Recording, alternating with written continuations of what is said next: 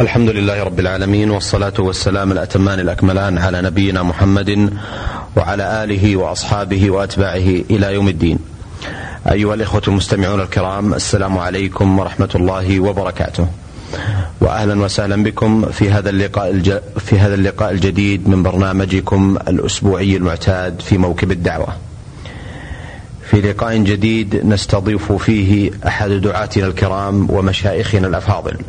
والذي له جهوده المباركة والموفقة في نشر الدعوة إلى الله سبحانه وتعالى وبيان الحق ونشر العلم بين أهله وطلابه.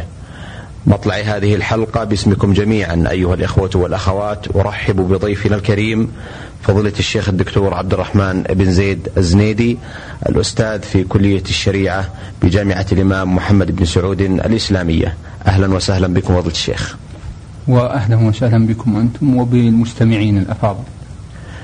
في الحقيقة شيخنا الكريم اعتدنا في مثل هذه اللقاءات أن نستمع في بدء كل لقاء إلى البدايات الأولى للضيف الكريم حبذا لو استمعنا منكم فضيلة الشيخ عبد الرحمن إلى مولدكم ونشأتكم أين ومتى كانت بسم الله الرحمن الرحيم. الحمد لله رب العالمين. والصلاة والسلام على أشرف الأنبياء والمرسلين نبينا محمد وعلى آله وصحبه أجمعين.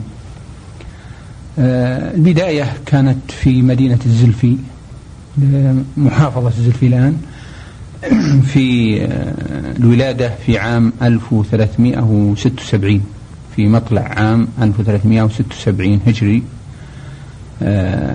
في أوائل عهد الملك سعود رحمه الله. كالمعتاد في مثل أترابي مع بداية وقت دخول الدراسة. دخلت الدراسة المدرسة الابتدائية مدرسة ابن خلدون درست فيها المرحلة الابتدائية وتخرجت منها ثم دخلت المعهد العلمي بالزلفي ودرست فيه المتوسط والثانوي.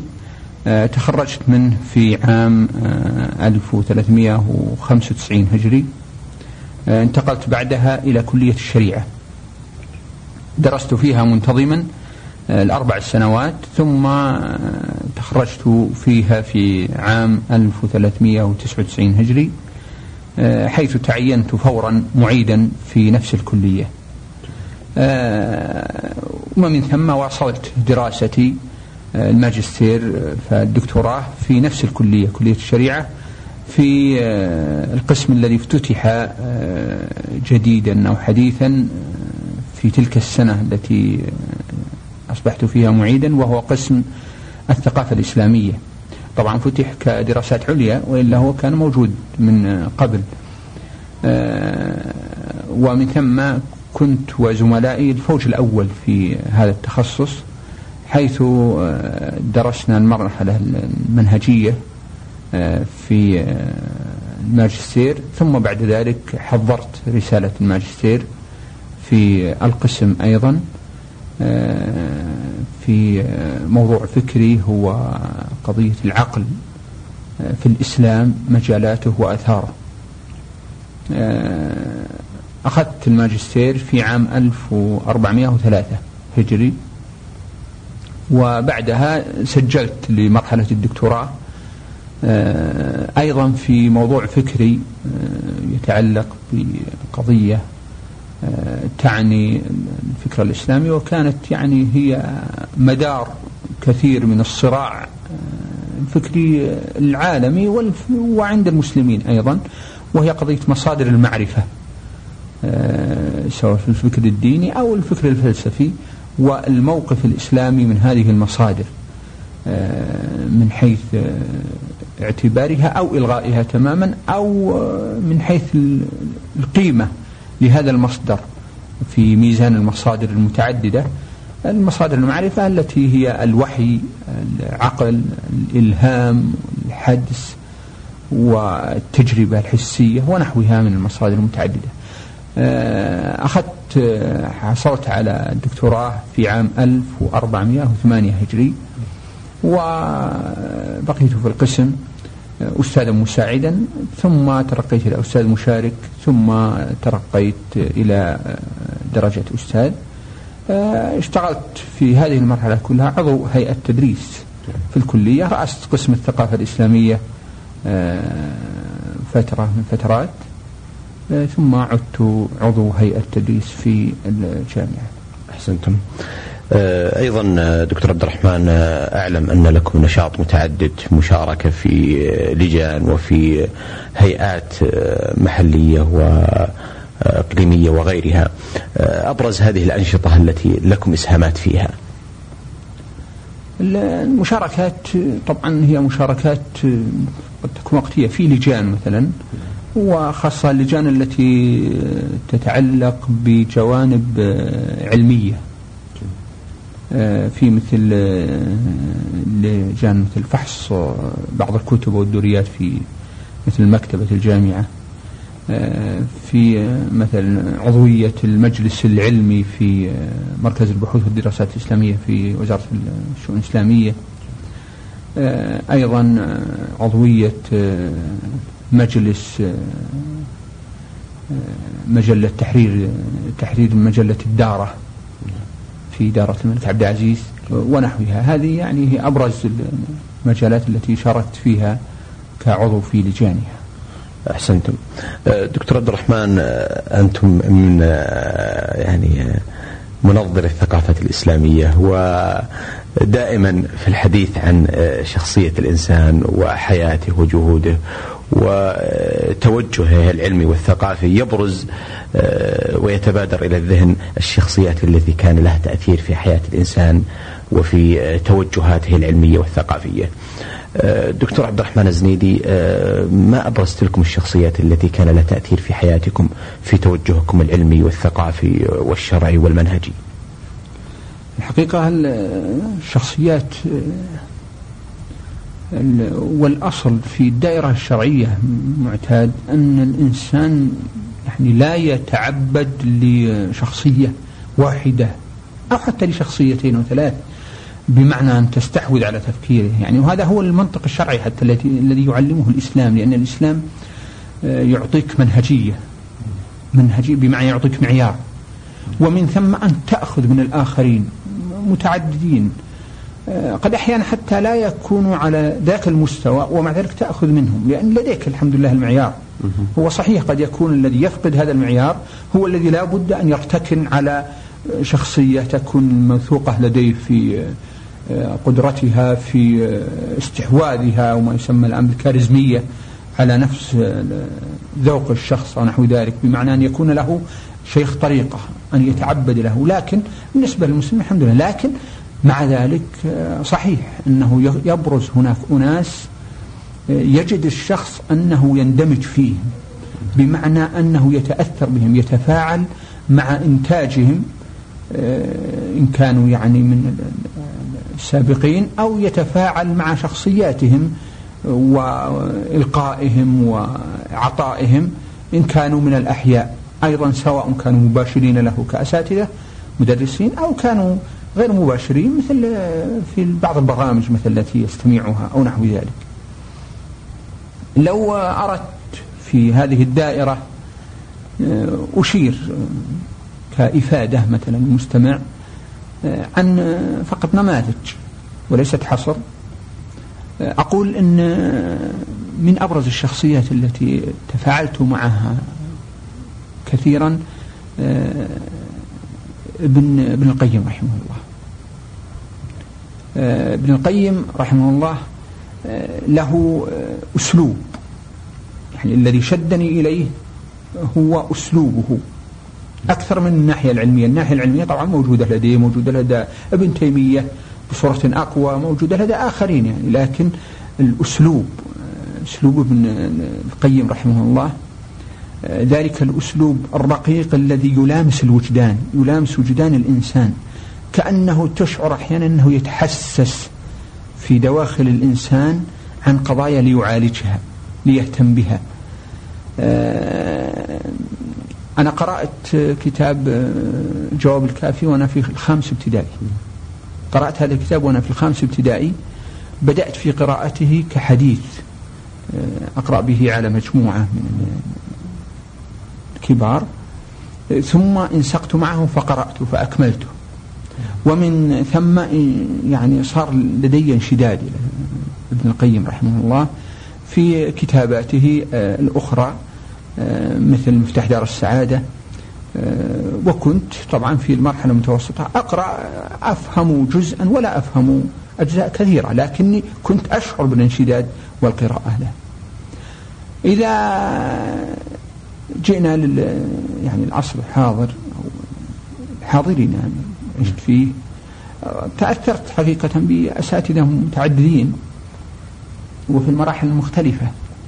آه، قد يكون لبعضهم جهود تربوية يعني يبرز فيها الجانب التربوي ونحو ذلك. لكن اختصارا يمكن أن نشير يعني إلى آه، أستاذ درسنا في السنة المنهجية مرحلة الماجستير وهو الدكتور آه، عبد الستار فتح الله سعيد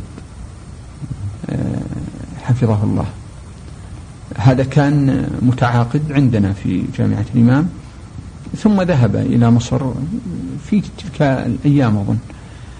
لكنه كان يعني ونحسبه كذلك والله حسيب الجميع أنه كان يعني جامعا بين يعني العلم والجانب الإيماني بمعنى تشعر بربانيته وهو يدرسك. حتى يتفاعل أحيانا مع ما يلقي طبعا كانت مادته في التفسير الموضوعي. نعم. وكان يتفاعل معها آه، تفاعلا يستجيش في داخله فيتفاعل معه حتى الطلاب. يجد بالمستمع. يجد بالمستمع ويتفاعلون معه. ليس تفاعلا ذهنيا عقليا وإنما حتى تفاعلا نفسيا في آه، ما يقدمه. فكان آه، يعني هناك تفاعل كثير معه ومن ثم إقبال على مادته إقبال كثير. ولذلك كانت درجتي فيها هي أعلى المواد يعني أخذت فيها تقريبا 98 من 100 أحسنتم اثابكم الله دكتور عبد الرحمن.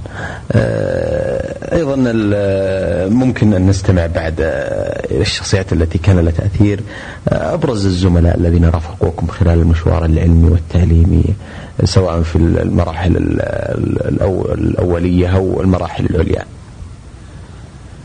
أيضا الزملاء كثيرون وفي الغالب أن كل مرحلة يعني لها أصحاب تخفي المرحلة السابقة بمعنى أنها تبرز عليها وتؤثر فيها. لكن لا شك أن مرحلة الدراسات العليا هي المرحلة التي آه، يعني كلها ثقلها آه، بحكم أن التفاعل بين الزملاء فيها آه، ليس تفاعلا يعني أجنبيا أو ليسوا جيران فندق كما يقال.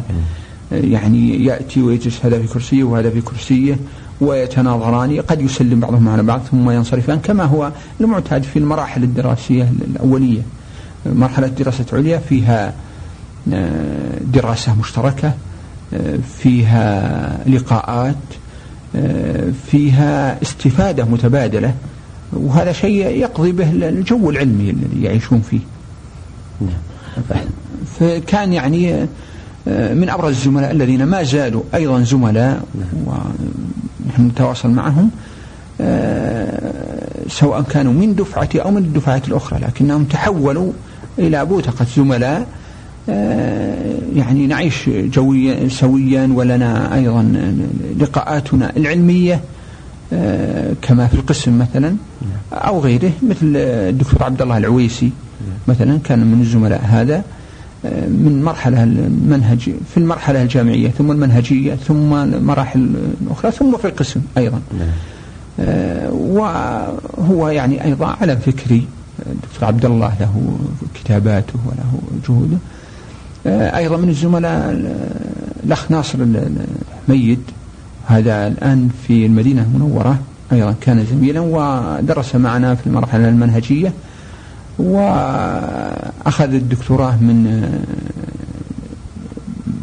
من قسم دراسات عليا في كلية الدعوة في المدينة. وغيرهم من الزملاء الكثيرين أحسنتم. دكتور عبد الرحمن قبل قليل في أثناء سؤالكم عن الشخصيات التي كان لها تأثير. هل ألمس من خلال حديثكم السابق آه، أن زمن المشيخة والتتلمذ في هذا العصر آه، أو ما يعرف بالانفتاح المعرفي في هذا الوقت قد تلاشت مثل هذه آه، المنهجيات التي سارت عليها أو أو درج عليها أهل العلم منذ زمن طويل؟ بمعنى أن العصر بانفتاحه الموجود الآن وتقنياته المحدثة والجديدة. هل آه، تلاشت كثير من المنهجيات السابقة التي استحكمت على الناس مدة طويلة آه، تصل إلى مئات السنين؟ هنا ينبغي أن يعني نفرق بين صورتين لقضية أنت قلت المشيخة؟ نعم. إي نعم لهذه القضية قضية المشيخة. في العلم الشرعي لا بد من مشيخة لا بد من أستاذ. الدراسة النظرية البحتة آه، أحيانا قد تورد الإنسان المهالك. الإسلام ليس منهجا نظريا يعني ليس فلسفة فقط. الإسلام هو منهج نظري نعم ولكنه أيضا منهج حركي منهج عملي. وهذا لا يتأتى إلا من خلال آه، علماء. يدرسون الناس ويرعون حركة الناس. سواء كحركة العوام حركة يعني عامة الناس في مثل استفتائهم واستشارتهم في أمورهم الشرعية أو كانت حركة طلاب العلم الدارسين. هذه لا بد منها. الذي أشرت إليه الذي يعني ربما أوقع لديك التساؤل هو أن هو ما ما هو ما وقع أيضا في تاريخنا الإسلامي آه، لدى أناس صار الشخص منهم يرتبط منذ صغره بشيخ وهي در يعني آه، هذه وجدت لدى الصوفية. يعني يرتبط بالشيخ فيدين لهذا الشيخ بمعنى أنه شبه يتعبد له حتى أنه يشترطون أحيانا في صلاته أن يتذكر شيخه وهو يصلي.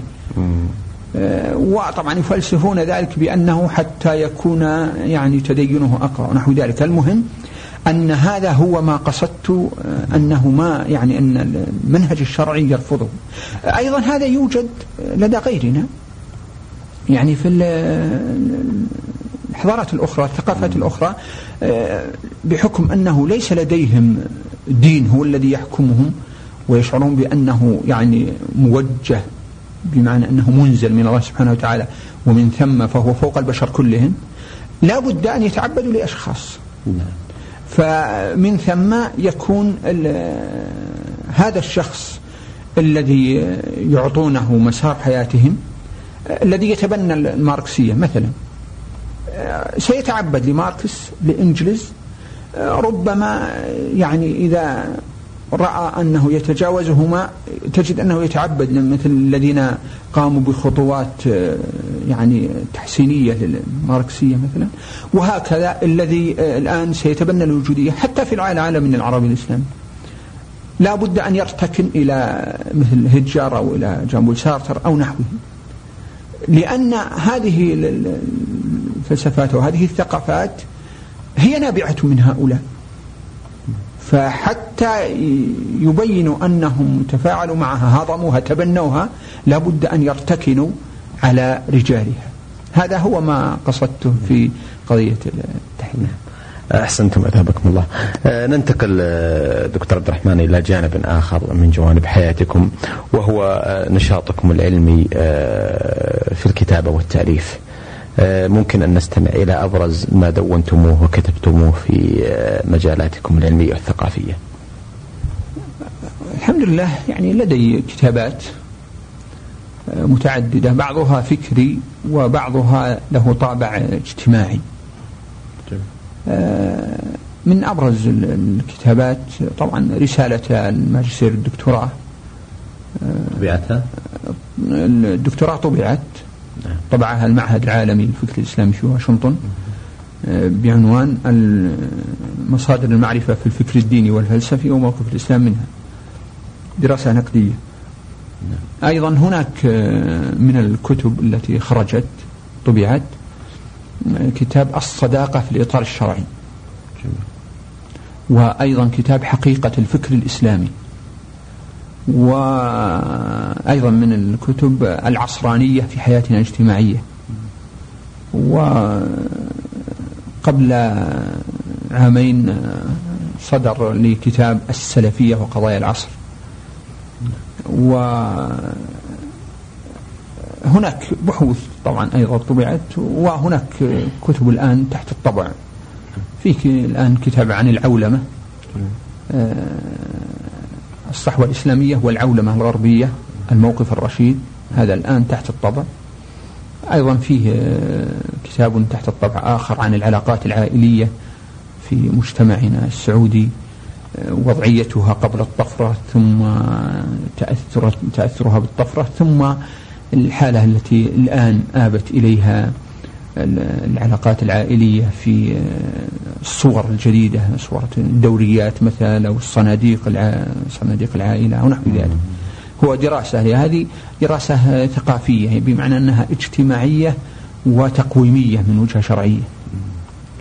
جميل جدا.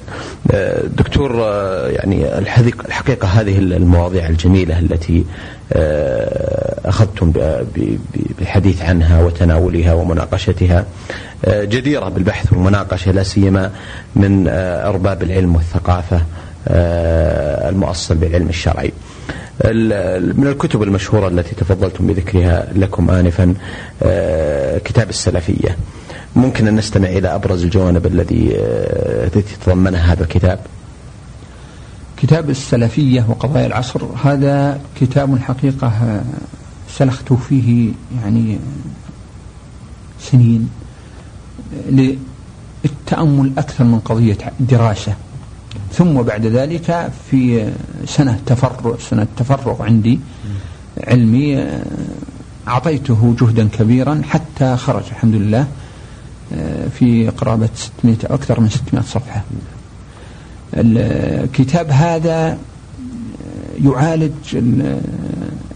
القضية التي يعيشها تعيشها الساحة الثقافية في العالم الإسلامي حاضرا. آه، الآن آه، بعد بروز الصحوة الإسلامية بعد الانكسارات التي منيت بها الاتجاهات غير الإسلامية القومية الاشتراكية إلى آخره في العالم العربي أصبح هناك حالة أوبة إلى الإسلام. ليس فقط من قبل العامة وهذا مشهود وواضح بل حتى من قبل قطاعات المفكرين الذين كانوا في حالة شرود وتيه وتغريب ثم الآن بدأوا يؤوبون. طبعا يؤوبون على طريق على استحياء. هذه الأوبة إلى الإسلام. ما هو الإسلام؟ هنا تأتي مشكلة بالنسبة لهم. الطروحات المقدمة. هناك طروحات كثيرة تقدم على أنها من الإسلام. بعضها ينتحل آه، نماذج آه، سابقة مثلا بعضهم يقدم التصور المعتزلي مثلا على أنه هو النموذج الإسلامي هو الدراسة الإسلامية يعني التي تمثل الإسلام. بعضهم يقدم النموذج الأشعري مثلا نعم. آه، هناك في الوقت الحاضر أيضا برزت آه، صور جديدة تبرز نفسها على أنها هي الإسلام في مواقفها في تصوراتها آه، تختلف من طرف التسيب الذي لا يبقي من الإسلام إلا قضية الانتساب الانتماء للإسلام ونحو ذلك ويميت باقي الشعائر باقي العقائد إلى درجة يعني الصور التي آه، تكفر الناس بكل الهفوات والزلة. في هذا الإطار كان لابد من إبراز النموذج الإسلامي الصحيح. آه، النموذج الإسلامي الصحيح والذي ندين الله سبحانه وتعالى به هو المنهج السلفي يعني هو الصورة التي تمثلها الرسول صلى الله عليه وسلم وتمثلها أصحابه وتمثلها الأئمة من بعده. هذه هي الصورة التي تمثل الإسلام الصحيح. كيف نقدم هذه الصورة لمثل هؤلاء؟ هنا قضية الكتاب. لا يكفي في هذا أن أقدم مسردا بنمط العقائد المطلوبة آه، صور الشعائر المفروضة ونحوها فقط. لا أردت أن أقدم هذا المنحى هذا الاتجاه الذي هو السلفية أو موقف السلف أن أقدمه من خلال قضايا يعيشها هذا الفكر. هذه القضايا التي يعيشها هذا الفكر والتي هي موضع سجال في دوائر الفكر سواء الإسلامي أو العلماني وغيره هي التي جعلتها يعني محور الحديث ولهذا قسمتها إلى قسمين قضايا معرفية وقضايا وجودية. القضايا المعرفية تتمثل في قضية العقلانية. ما هي العقلانية؟ ما هو التصور المعاصر للعقلانية؟ ثم ما هو التصور السلفي لهذه العقلانية؟ وما هي مواقفه تجاه الطروحات الأخرى. نعم. قضية العلمية قضية التراث.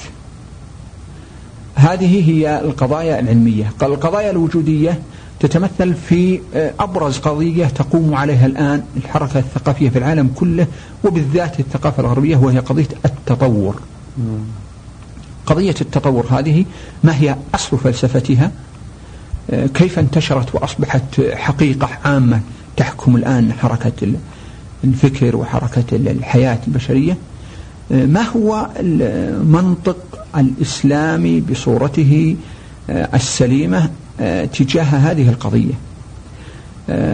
قضية التطور هذه قضية قضية القيم. الآن العصر هذا هو عصر إعلاء منار القيم. قيم الحق قيم الخير قيم الجمال وما يتفرع عنها من قيم حرية ومساواة وغيرها والتي تأتي طرف منها قضية حقوق الإنسان. هذه القيم الموجودة في العصر الحاضر ما هي؟ ما هو أساسها الإنساني؟ ثم ما هو منطق الإسلام تجاه هذه القيم؟ آه، القضية الأخيرة هي قضية الإنسانية. الإنسانية ما هي؟ بصفتها هوية. لهذا الموجود البشري ما هي يعني الوجهة الصحيحة فيها؟ هل هي ما تطرح الآن في طروحات عديدة؟ كل منها يدعي أنه آه، يقدمها بصفتها يعني آه، دعوة إنسانية. مثل منظمة اليونسكو تقدم يعني نموذج لثقافة تقول إن هذه الثقافة تصلح البشرية كلها مثلا. الدعوة التي تسمى الدعوة الإبراهيمية الآن نعم. التي تبناها جارودي وغيره. أيضا يقولون إننا ندعو إلى يعني نموذج دين إنساني يجمع, يجمع أتباع يعني أبناء إبراهيم كلهم المسلمون والنصارى واليهود. وهكذا دعوات كثيرة تدعي الإنسانية. ما هي ما هو أصل الإنسانية الحقيقة؟ الذي إذا جاء بمنهج يناسبه صار فعلا آه، إنسانيا. بينت أن الإسلام هو الذي يحقق إنسانية الإنسان وأن كل تلك الدعوات هي دعوات تفريق هي دعوات خروج على هذه الإنسانية. هذه هي أبرز قضايا هذا الكتاب. طبعا هناك قضايا أخرى نعم. جزئية تناولها الكتاب.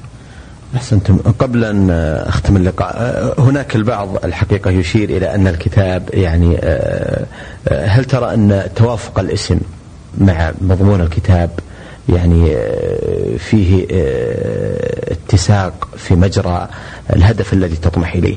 بمعنى أنك تريد أن تقدم النموذج الأصلح في خضم هذه التيارات المتلاطمة التي تعيشها الصحوة الإسلامية عموما والفكر الإسلامي. آه، ألا كان من الأجدر دكتور عبد الرحمن أن يكون هناك مسمى آخر لهذا الكتاب حتى تستطيع أن تجذب حتى الآخرين الذين آه، قد آه، تصدمهم هذه الكلمة وتأخذ عنهم ردة فعل. الكثير عندما يسمع هذه الكلمة يتراجع كثيرا. لكنه لو حمل الكتاب مسمى آخر يستطيع من خلاله جذب تلك الأصوات وتلك ال ال ال وذلك الفكر الذي آه، يحاول أن يبحث عن جادة هنا أو هناك لكنه الكثير من من أولئك الذين نريد أن نخاطبهم بهذا الخطاب الذي آه، دونتموه وأبدعتم في كتابته آه، عندما يقرأ هذا العنوان يجفل كثيرا ويتراجع عن قراءته لعلك تقصد اللفظة السلفية نعم. إيه. آه، الحقيقة هذه لها دائرتان الدائرة الفكرية وهناك دائرة أخرى أضيق منها ربما هي التي آه، تحدث الحساسية تجاه اللفظة. أنا الحقيقة أتعامل مع الدائرة الفكرية الأوسع. الحقيقة الدائرة الفكرية الأوسع السلفية الآن مطروحة فيها بقوة. لا فقط من قبل الإسلاميين بل عند العصرانيين أكثر من الإسلاميين مطروحة قضية السلفية. حتى الماركسيون الماركسيون الذين يعني يعيشون حقيقة قطيعة مع الإسلام كله يعالجون قضية السلفية. نعم بالأصولية يعني بالرجوع إلى الأصول عندهم يعني وال... لا لا يعالجونها كقضية. يرون أن أن الذين الآن العودة إلى الإسلام ستنتهي إلى عودة إلى التزام حقيقي في الإسلام ومن ثم إلى سلفية. نعم لهم تصوراتهم الخاطئة عن هذه السلفية. نعم. آه، أنا في أول الكتاب وضعته يعني مسار طويل في صفحات عديدة لمعالجة قضية المفهوم مفهوم السلفية. هناك يعني تعريفات مختلفة متقاطعة لقضية السلفية. يعني لو أخذت أعطيك تعريف فقط واحد آه، لعلك تضحك حينما تسمعه. آه، عبد الله العروي الدكتور عبد الله العروي. طبعا آه، هو مفكر مغربي مشهور له كتبه الكثيرة. وهو يعني ماركسي يتبنى الماركسية. السلفية تعريفها عنده هي هي اعتماد النقل وإلغاء العقل. هذه هي السلفية؟ إيه؟ فالسلفية هي مطروحة بقوة هناك في الدائرة الفكرية. وليس هناك يعني جفول منها. هناك دراسات لها. طبعا الدراسة القاطعة السلفية هي التي يعني لا تتصورها تصورا صحيحا فقط. ومن ثم كان إبرازها بالصورة الصحيحة مطلب وهدف هذه نقطة. النقطة الثانية هي أنني مثلا لو قلت الإسلام وقضايا العصر. ما انحلت المشكلة؟ لأنهم يقولون هذا يعني تصور من ضمن التصورات التي تقدم عن الإسلام. لكن كان المقتضى الذي يعني دار في خلدي وأنا أمام هذا المشروع هو أنني أبرز منحى متميز ثم أبرر أن هذا المنحى أن هذا أن السلفية في حقيقتها هي التمثيل الأتم للإسلام. ما دامت السلفية هي التمثيل الأتم للإسلام في دنيا الواقع البشري فما هي رؤاها تجاه هذه القضايا؟ هذه هي رؤاها تجاه هذه القضايا. ومن ثم فهي رؤى أو هي موقف الإسلام. نعم بعضها اجتهاد بشري لكنه ما دام اجتهاد تواطأ عليه أئمة آه، عبر عصور فهو يأخذ يعني آه، قوة تقارب قوة الإجماع. أي نعم. لكنه يبقى على كل حال هو أقرب الصور إلى تحقيق الصورة الإسلامية.